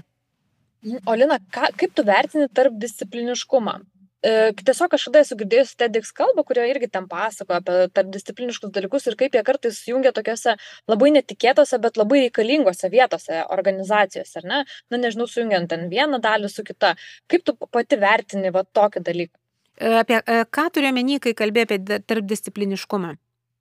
Na, nežinau, galbūt tavo patirtis yra kažkokia uh, baigusi galbūt esi, nežinau, kažkokią etnologijos ir folklo, folkloristikos studijas ar ne, ir ilgainiui dar po to kažką darai, tarkim, su, nežinau, pardavimais. Ir taip po to sujungi vieną kažkokį labai neįtikėtinai gerą produktą, nežinau, pardavimai remiantis ten, tarkim, kažkuo. Nu dabar gal taip nesugalvoju tokio labai žinai. Taip, bet, su, bet suprantu, ką noriu pasakyti, kad, kad per, per gyvenimą sujungi kažkokių įvairių sričių patirtis ir jas po to mhm. sulėjai kažką tokio, kas tik tau įmanoma. Na, ką, ką, mes žinom tą pavyzdį apie Steve Jobsą, ne? E, kuris e, kažkada pirmam kursė nuėjo į, kaligrafijos e, kursą, nes jam tiesiog buvo labai smalsu ir įdomu ir iš to galiausiai gimė Wordas ir tie visi daugybė vairiausių šriftų, apie, kurį, apie ką galbūt kitas žmogus, ne, nepamišęs dėl kaligrafijos, net nebūtų pagalvojęs.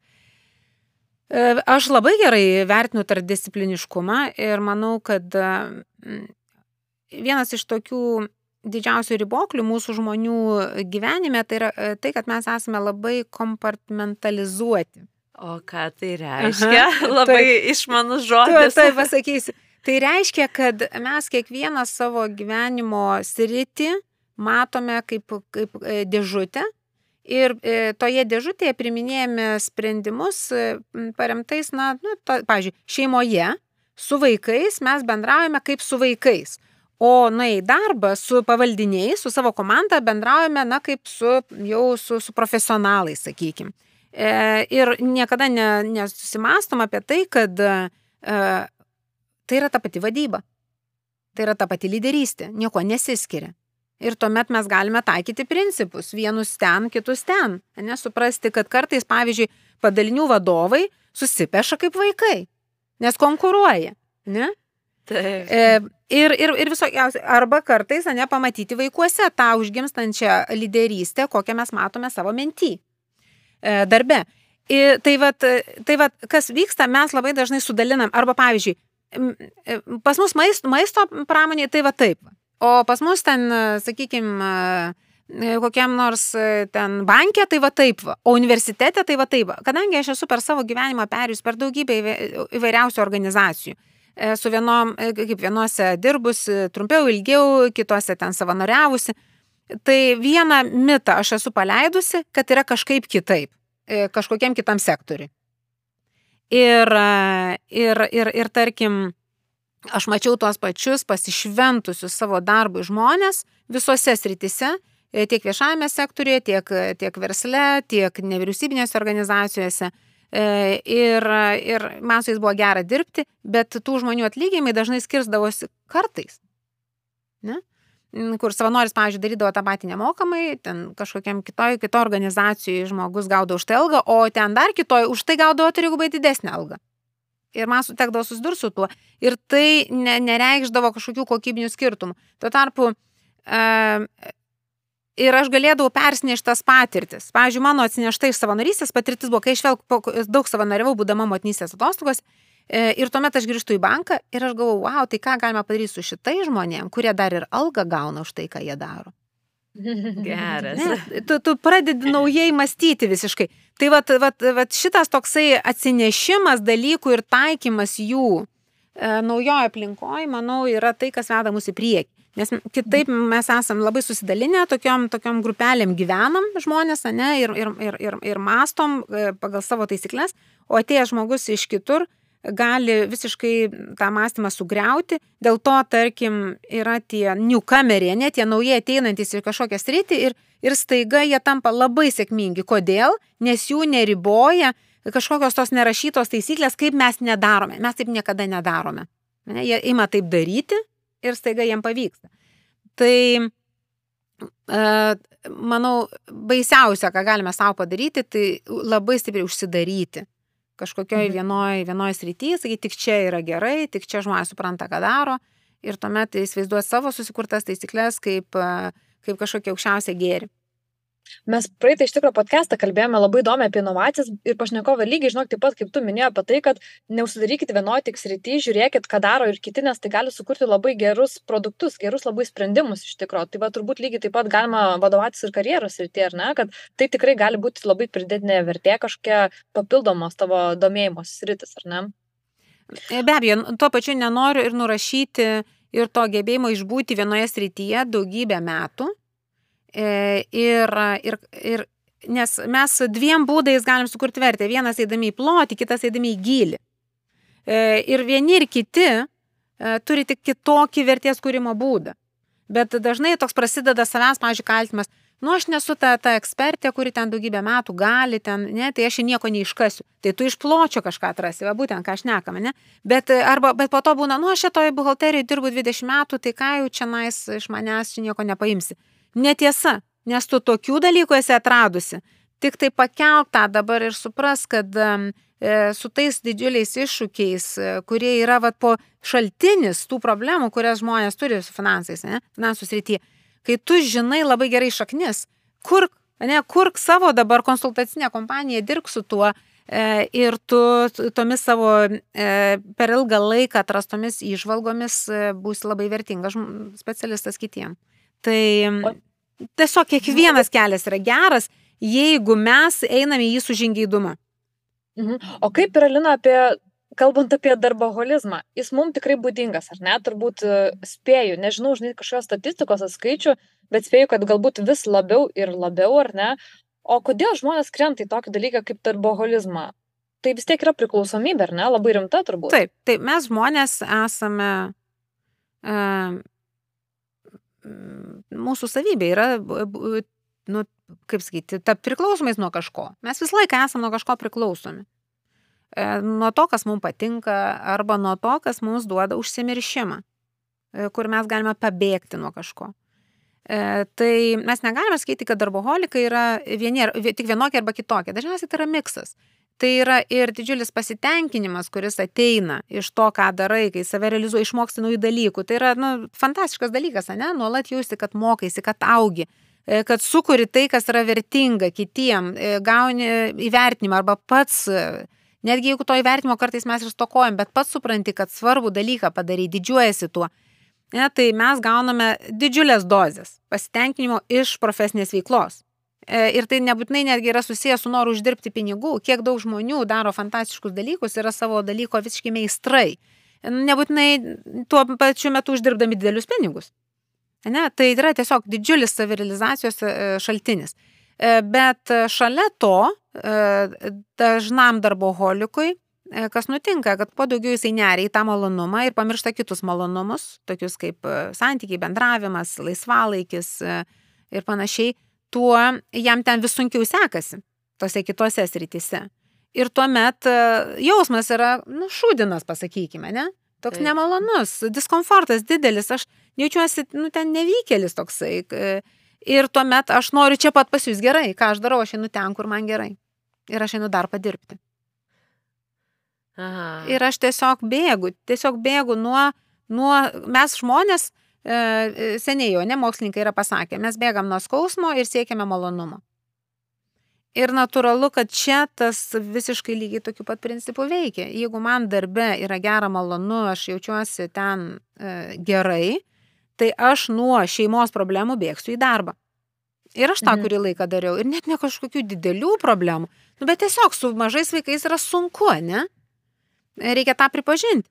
E, nu, mes, nu, kad ir kaip stengiamės būti tos geros mamos ir sąmoningos mamos, bet kartais norisi palisėti. Kur eini? Ten, kur yra takeliai praminti, kur žinai, kad labai greitai gali padaryti kažką ir pajusti malonumą. Tiesiog man dar vienas labai klausimas įdomus, nes aš tariau su Lina, kad aš būtinai šitą norėsiu paklausti, aš noriu apie tos high performers paklausti. Dėl to, kad tu dirbi su tokiais žmonėmis, kurie siekia itin aukštų rezultatų, ar ne, turbūt savo profesiniai srityje iš esmės. Taip tai ir kad mes jau kalbam apie mąstymą aš tiesiog labai noriu sužinoti galbūt tu gali pasidalint kokiom savo įžvalgom. Nu kaip mąsto tie žmonės kurie siekia aukštų rezultatų ar ne? Kurie tai daro nuosekliai galbūt ar ne? Gal jie pasižymi kažkokiais bruožais konkrečiais? Vienu bruožu dviem. Tikrai pasižymi. E, pirmas tai yra e, tas pri, pri, gebėjimas pripažinti, kad, kad aš nuolat augu ir tobulėju. Kad aš esu joks. Ne, kad neįkalta koks. Ir aš galiu visko išmokti. E, nes labai dažnai, kas nutinka, mes pabandom, pabandom eiti kažkokiu naujų keliu. Ir, ir, ir pradžioje yra, nu, tai yra labai, yra labai sunkus tas kelias, ne, raumenys neklauso, ne, nu, pabai. Mes visi atsimenam, kaip mes mokėmės pelytę naudotis, kaip mes mokėmės automobilį vairuoti. Tai yra tragiškas diskomfortas, turi būti didžiulė motivacija, kad jį praeiti. Ir dalis žmonių meta, nes ai čia ne man. Ne? Tai, tai tas high performeris visą laiką sako, aš išmoksiu, aš išmoksiu, aš tikrai, aš, ne, ir, ir noriu nugalėti. Aš atsimenu tokį labai paprastą dalyką, kaip aš pirmą kartą iškepiau antį ir tai man sudegė. Kepiau Pekino antį. Man tas pats buvo. Ir, ir aš, aš žinau, aš savaitę negalėjau pamiršti. Ir po savaitės staiga ryte atsibundu. Ir suprantu, reikėjo jungti ne kaitinimą iš abiejų pusių, o konvekciją. O, tu dieve! Ir ką aš dariau? Aš čia pat lėkiau į parduotuvę, aš pirkau antį, ją iš naujo marinavau ir kepiau ir tikrinau savo versiją. Mano galva, va čia yra tas high performeris, kur nėra tik darbinė aplinkoje, visur tu tiesiog niekada nepasiduodi. Bet ne dėl to, kad esi zajadlas yra toks žodis, ne? O zajadlas, jeigu toksai, lietuviškai. Toksai, toksai m, užsispyręs, m, kaip sakyti, m, toks piktai užsispyręs gali būti, ne? Ir man, aš padarysiu ir vis, aš čia padarysiu. Ir nesvarbu, aš, žinai, man kokią kainą aš save paukosiu, bet aš padarysiu. Ne, tai, tai, tai va tas nuveda žmonės dažnai iki perdėgymo. Bet jeigu yra tas toksai smalsumas, ir žinojimas, kad aš viską galiu išmokti. Žmonės išmoksta. Mes žiūrim žmonės, kurie kaituoja, pavyzdžiui, ir būriuoja, ne? Tai mesgi netikim, kad jie gimė tokiais. Taigi nesąmonė, ne? Mes žinom, kad jie išmoko ir mes galim išmokti. Tai va, jeigu šitą laikom, e, tai tą, tą smalsumą ir, ir žinojimą, kad aš viską išmoksiu, ko imsiuosi, e, tai, tai, tai va, mes pasiekėm labai didelių dalykų. Ir kitas dalykas, e, prie, šalia to, tai yra drąsa. E, drąsa klysti, drąsa, e, nus, kaip sakyti, drąsa eiti į priekį, žinant, kad nusvilimas e, yra ten kaip galimybė visada ateityje. Ne? Man tikrai gali nepavykti ir aš žinau tai, aš priimu tai ir aš vis tiek einu. Nes daugelis iš mūsų mes sustojam. Ką man to reikia? Ir, ir vairiausių tokių dalykų mes savo prišnekam, arba primeluojam, kad bus daug sunkiau net negu mes įsivaizduojam. Ar... Bet va tas toksai, na ir kas, ir aš vis tiek tai darysiu. Ir, ir, ir, ir, kit, ir man tenka bendrauti su labai vairiais žmonėmis ir, ir, ir tame tarpe su žmonėmis, kuriais, kurie yra pasiekę, na jau be galo daug. Ane, jau, jau tie šio laikiniai multimilijonieriai. E, Ir aš, kai su jais susitinku, tai nėra, kad kiekvieną dieną netenka, bet tenka, e, yra tekę pabendrauti.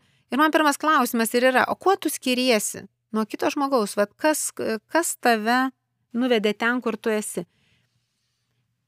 Ir žinot, kas mane stebina, e, tai yra be galo šilti žmonės, labai dėmesingi, labai malonūs, e, linkia padėti ir dalintis. Ir niekada nesustojantys.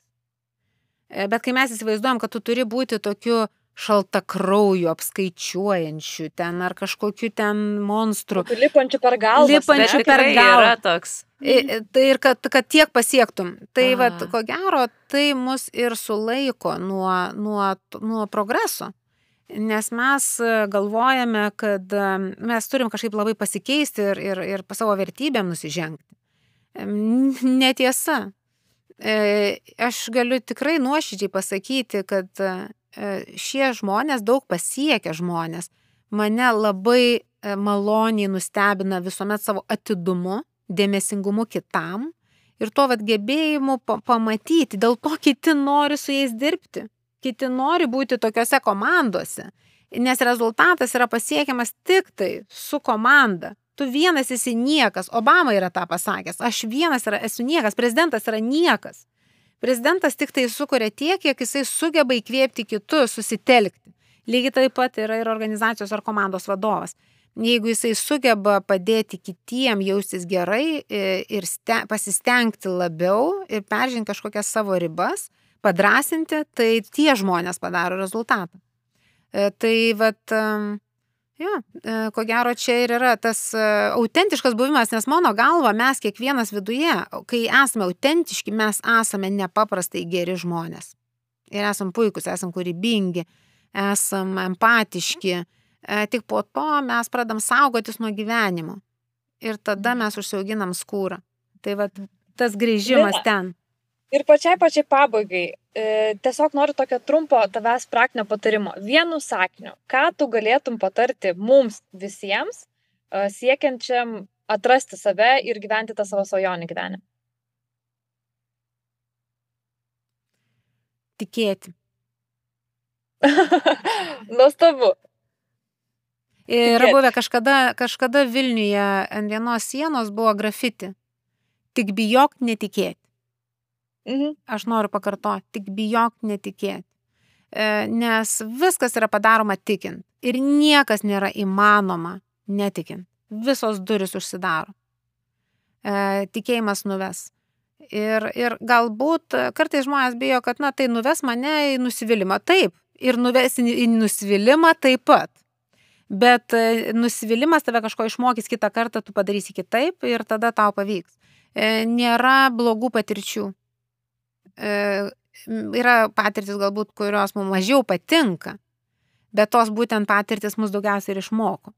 Tai tikėjimas, kad aš galiausiai ateisiu ten, kur noriu, jis ir atveda žmonės į, į savo svajonių realizavimą ir, vieną dieną vat, atsibundi ir sakai, aš esu ten, kur aš visada norėjau būti. O ar tu savo svajonių dirbtuvėse, individualiuose konsultacijose padedi šituo tikėjimo klausimu, jeigu vat, žmogui stinga to? Ko gero, tai aš daugiausiai ir darau.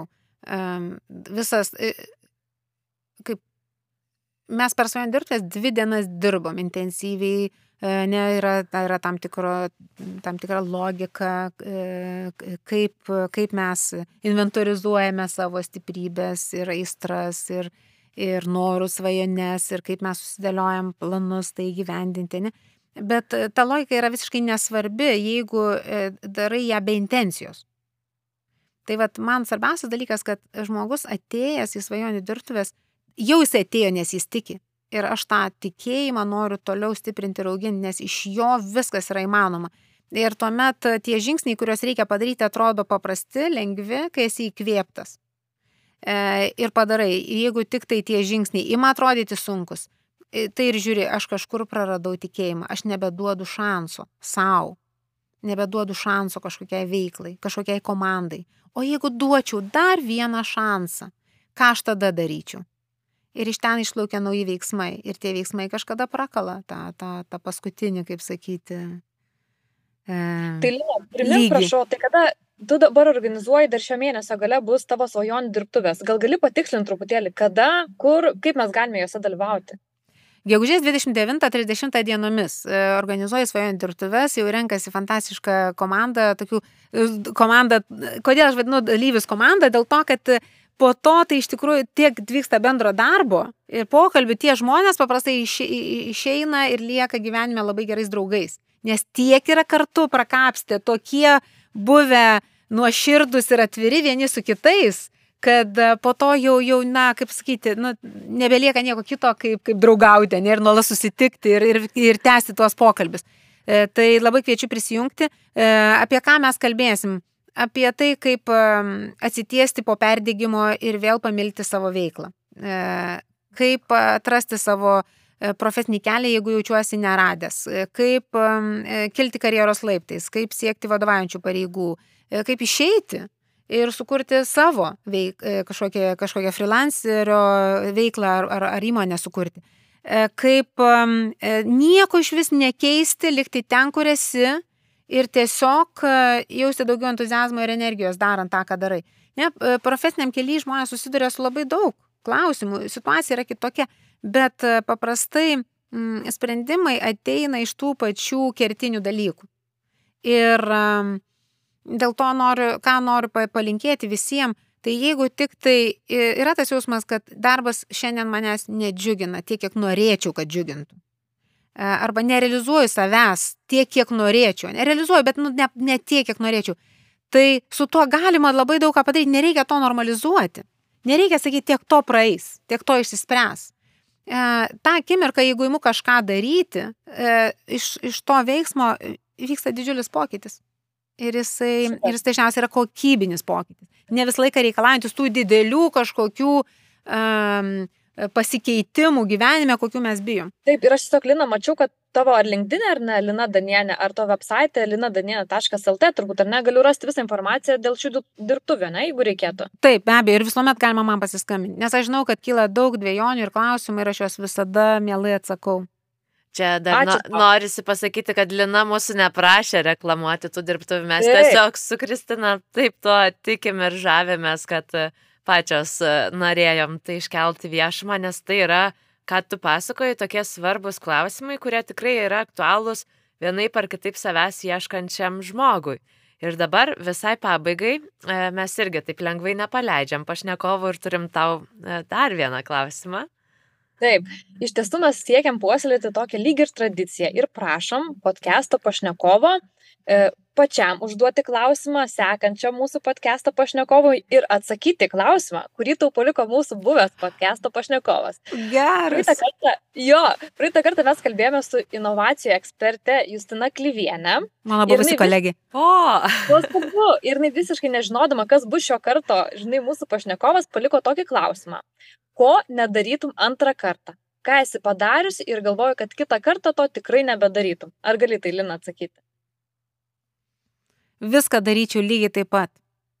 E, nes šitą pratimą aš savo esu kažkada atlikusi ir galvoju, nu tikrai, vat, tikrai atrasiu, nes aš skaičiau tokią knygą, kur sakė, kad, ne, kad mes galiausiai nieko, nieko nesigailim, aš, aš tau to įrodysiu. E, ir aš prakračiau pačius tokius žiauriausius momentus savo karjeroje, kai turėjau, pavyzdžiui, nu, nepaprastai sudėtingą santykių su vadovu ir aš galvoju, va, aš neičiau ten antrą kartą. Netiesa, eičiau. E, nes tai, ko aš išmokau, uf, ko gero mane sustabdė nuo daugybės klaidų ateityje. E, aš, aš supratau, aš supratau, kaip, kaip, aš, kaip aš dramatiškai reaguoju į dalykus, pavyzdžiui, ne? Ir, ir kad kai, kai po laiko aš jau, jau be, be emocijos pasižiūrėjau į, ta, į tos va, savo tą santykį su vadovu, tos pokalbius, aš supratau, kiek daug dalykų aš interpretavau, kad jis manęs negerbė, kad jis manęs nesiskaito, jis manęs visiškai nevertina. Aš galvoju, kada jisai tą pasakė? Niekada. Tiesiog tam tikrus dalykus, kuriuos jisai sakė, aš girdėjau per šitą filtrą. Ir, tai, ir ta, patirti, ir su to pabūti, pareflektuoti, ir tą suvokti, e, man buvo taip svarbu, kad po to mano visi santykiai pasikeitė. Reikia tų klaidų, reikia tų pamokų. Ačiū labai, kad tu taip nuoširdžiai atvirai pasidalinai šiandien su mumis tiek savo istoriją, tiek apie svajonės, apie karjerą. Tai čia buvo Mindseto reikalas, o mes visos ir Lina, ir Kristina, ir aš Živilė sakome iki. Iki. Ate, visą.